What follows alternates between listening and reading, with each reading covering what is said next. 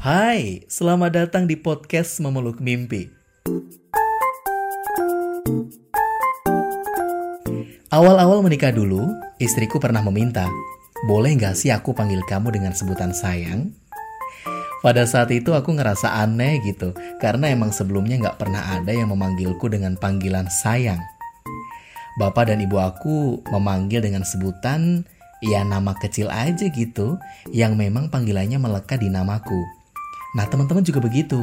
Ya udah, manggil dengan namaku, bukan panggilan-panggilan khusus seperti beb, coy, cuy, atau apa pun itu yang jauh dari namaku. Makanya saat istri mau memanggil dengan sebutan sayang, awalnya agak aneh. Bahkan aku ngerasa risih gitu. Tapi seiring berjalannya waktu, panggilan itu sungguh melekat. Kami satu sama lain memanggil dengan sebutan sayang. Ada satu perasaan yang timbul di dada ketika istri atau anak-anak memanggil dengan sebutan sayang. Ya, aku jadi ngerasa kalau istri dan anak-anakku emang sayang banget sama aku. That's it.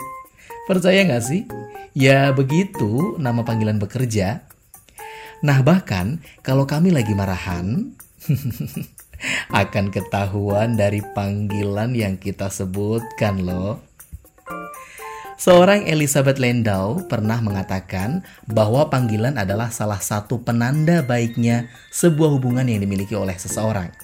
Dalam sebuah penelitian yang dilakukannya, dia menemukan bahwa nama panggilan sayang terhadap pasangan merupakan tanda sehatnya sebuah hubungan asmara. Wow ya. Nah, hasil yang positif mengenai panggilan sayang ini juga dikemukakan oleh Pepper Schwartz dari University of Washington di Seattle. Dalam penelitian yang dilakukannya terhadap 100.000 pasangan, diketahui bahwa 76% partisipan bahagia memiliki panggilan sayang terhadap pasangan mereka. Nah, panggilan tersebut digunakan sebagai pengingat tentang kedekatan dan pentingnya hubungan yang mereka miliki. Hal ini dapat berakibat pada perasaan yang ingin selalu bersama untuk saling melindungi dan mencintai. Wah, ternyata ya, begitu berartinya sebuah panggilan.